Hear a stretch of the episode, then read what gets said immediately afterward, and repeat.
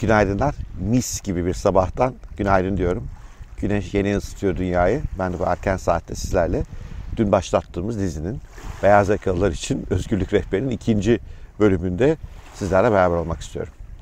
Bugünkü konumuz e, ne iş kuracağım? Dün hatırlıyorsanız iş kurmadan önce yapmamız gereken temel hazırlık olan biriktirmenin üzerine durmuştuk. O videoyu izlemeyenler varsa tekrar mutlaka izlesinler.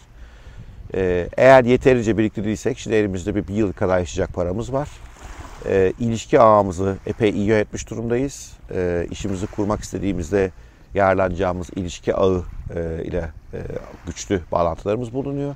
Kendimize geliştirmiş durumdayız. E, bu dünyaya faydalı, yararlı bir, iş, e, bir becerimiz var artık insanların satın almak isteyebileceği. Ve kişisel markamızda hani belki ünlü değiliz ama Bizi tanıyan insanlar güvenilir, sözünde duran bir insan olduğumuzu gayet iyi biliyorlar. Bu dört unsuru hallettik. Şimdi o zaman ne iş yapacağımıza karar veririz. Bu kolay bir karar değil. Herkesin kendi becerileri, kendi ilişkileri, e, kendi geçmişi ve tabii kendi arzuları, hayalleriyle ilgili bir şey bu. Herkes başka bir iş yapmak isteyebilir. Ama e, şeye baktığımızda, başarılı girişimlere ve başarılı girişimcilere baktığımızda bazı ortak yönler var. Onlardan bahsetmek istiyorum. Bunlar belki hem e, fikir bulmanıza yahut da kafanız karışıksa birkaç fikir konusunda seçmenize yardımcı olabilirler. Bir kere en iyi yol kendinizin isyan ettiği durumları yakalamak. İsyan. Ne demek isyan? Hoşlanmadığınız hizmetler, beğenmediğiniz ürün özellikleri, ürünler, yeterli bulmadığınız e, müşteri deneyimleri, Bunların her biri, bunlar sizin bizzat yaşadıklarınız, size bir iş fırsatı gösteriyor olabilirler. Niye? Çünkü eğer bir şeyden siz tatmin olmuyorsanız ve isyan ediyorsanız ya bunun daha iyisi olabilir, bu niye böyle ki diyorsanız muhtemelen size benzeyen başka insanların da benzer bir isyanı vardır. Bu isyan ettiğiniz konuyla ilgili kuvvetli bir ürün veya hizmet geliştirebilirseniz o halde kendinize piyasada bir fırsat bulma şansınız da olur. Çünkü açıkçası hangi alana elinizi atarsanız atın ciddi rekabet var.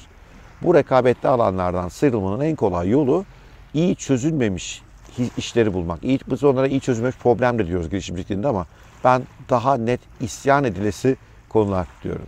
Neye isyan ediyorsanız? Benim şahsi isyanım şuydu. E, Türkiye'deki eğitim firmalarındaki eğitimciler 20 ayrı eğitim vermeyi biliyorlar. Nasıl oluyor anlamıyordum. Yani bir insanın 20 ayrı konuda uzmanlaşması mümkün değildir diyordum ve hem kendimi hem şirketimi sadece 2-3 konuda ki biz biliyorsunuz belki sadece inovasyon e, ve müşteri deneyimi konularında çalışıyoruz. Hala ben e, aşağı yukarı 2008'de kurdum şirketimi. 10 yıldır var şirket. 10 yıldır aynı konuları yapıyoruz hala. Üzerine bir konu daha eklemiyoruz. E, çünkü uzmanlaşmaya inanıyordum. Ve müşterilerimizin de çok uzmanlaşmış bir hizmet almayı hak ettiklerine inanıyordum. E, buydu ki o zaman ben eğitim sektöründeydim. Olan bitenlerin de farkındaydım yapılanların. O yüzden isyanım bu yöndeydi. O halde bir isyanınız olacak. Bir şeyden memnun değilsiniz. Bunun daha iyi yapılabileceğine inanıyorsunuz ve bununla ilgili bir çözüm düşünüyorsunuz. İkinci iyi bir fırsat kişisel becerileriniz. Yani belki isyan edecek bir durum yok. Hani piyasadaki hizmetlerde fena değiller. Ama sizin beceriniz çok yüksek ve bunu çok iyi yapacağınızı düşünüyorsunuz. Yani şeyi bir düşünecek olursanız işte ne bileyim şu anda benim bulunduğum gibi küçük oteller, butikler, kafeler, danışmanlık hizmetleri. Bunların çoğunda aslında bunu veren insan, bu hizmeti veren insan çok da böyle yüzde yüz kendine özgü bir şey yapmıyor olabiliyor değil mi? E, çünkü bunlar keşfedilmiş alanlar, yapılacak işler de belli. Ama e, işin içine küçük bir fark katabiliyor. Yani bu işte hani derler ya sevgiyle yapıyor yemeği. E, daha özenli, daha meraklı oluyor yaptığı şeye. Daha teknik olarak becerileri yüksek oluyor. O zaman da bir fark yaratabiliyor. O halde ikinci saha teknik olarak sizin becerinizin yüksek olduğu e, veyahut da belki de hani beceriniz yüksekse bile değilse bile arzunuzun çok yüksek olduğu bu sayede çünkü yeni şeyler öğrenme, deneme e, ihtimaliniz artıyor. O da uzun vadede yine becerinizi artıracaktır. E, bu yönde e, bir fark yaratmak mümkün. Beceriniz nedir? Bu beceriyle e, çok böyle hani e, müthiş bir e, rakiplerine ayrılan bir iş yapmasam da kaçacağım ufak tefek nüanslarla müşterilerin beni tercih etmesini ve zaman içinde duyulmayı e, sağlayabilirim. Ben bu yolculuğa da inanıyorum açıkçası. Etrafınızda var böyle insanlar eminim. Yani çok da acayip farklı bir şey yapmıyorlar ama gayet özgür güzel bir hayatları var. Neden? Çünkü yaptıkları işi çok daha özenli ve teknik olarak da çok daha iyi yapıyorlar. Bu da ikinci sahamızdı. Üçüncü saha e, piyasadaki bir boşluğu görmek. E, burada biraz daha girişimci kasları güçlü insanların yaptığı şeyler bunlar. İşte piyasada olmayan bir ürünü görüp onu yurt dışından ithal edip geliyor. Piyasada olmayan, yurt dışında gördüğü, Türkiye'de henüz karşılığı olmayan bir hizmeti alıp geliyor Türkiye'ye. Örnekler böyle. Ama bunun daha pratik örneği özellikle sizin gibi beyaz yakalılar için geçerli. Beyaz yakalı olarak siz de pek çok şirketten hizmet alıyorsunuz şirketiniz için değil mi? İşte danışmanlardan ayarlanıyorsunuz, yazılım firmadan ayarlanıyorsunuz, e, tedarikçileriniz var. İşte atıyorum bir perakende şirketindeyseniz binlerce perak, e, tedarikçiden ürün alıyorsunuz. Buralarda gördüğünüz boşluklar, yani sizi tatmin etmeyen hizmetler e, yine bir fırsat veriyor olabilir. Yani doğrudan bu sefer bir birey olarak kendinizin tatmin olmadığı şeyler değil, kurumda gördüğünüz tatmin olmanız şeyler de iyi olabilir. Size tedarik sağlayan firmaların iyi beceremediği şeyler çıkıp bunları iyi yapıp kendi kurumunuza satarak da işe başlıyor olabilirsiniz. Dördüncü bir konu ise, e, dördüncü bir alan ise e, daha da e, ilginç olduğunu inandığım bir alan. Kurumunuzun pek iyi beceremediği ne var acaba? Okay. Benim yakın bir arkadaşım kurumunun ofis toplantı odalarını yönetememesinden yola çıkarak bir iş kurdu ve gayet de başarılı gidiyor. Ofis toplantı odaları kiralıyor, yönetiyor vesaire. Bir şirket çalıştığı şirketin yapmaya çalıştığı neler var peki yapamadığı?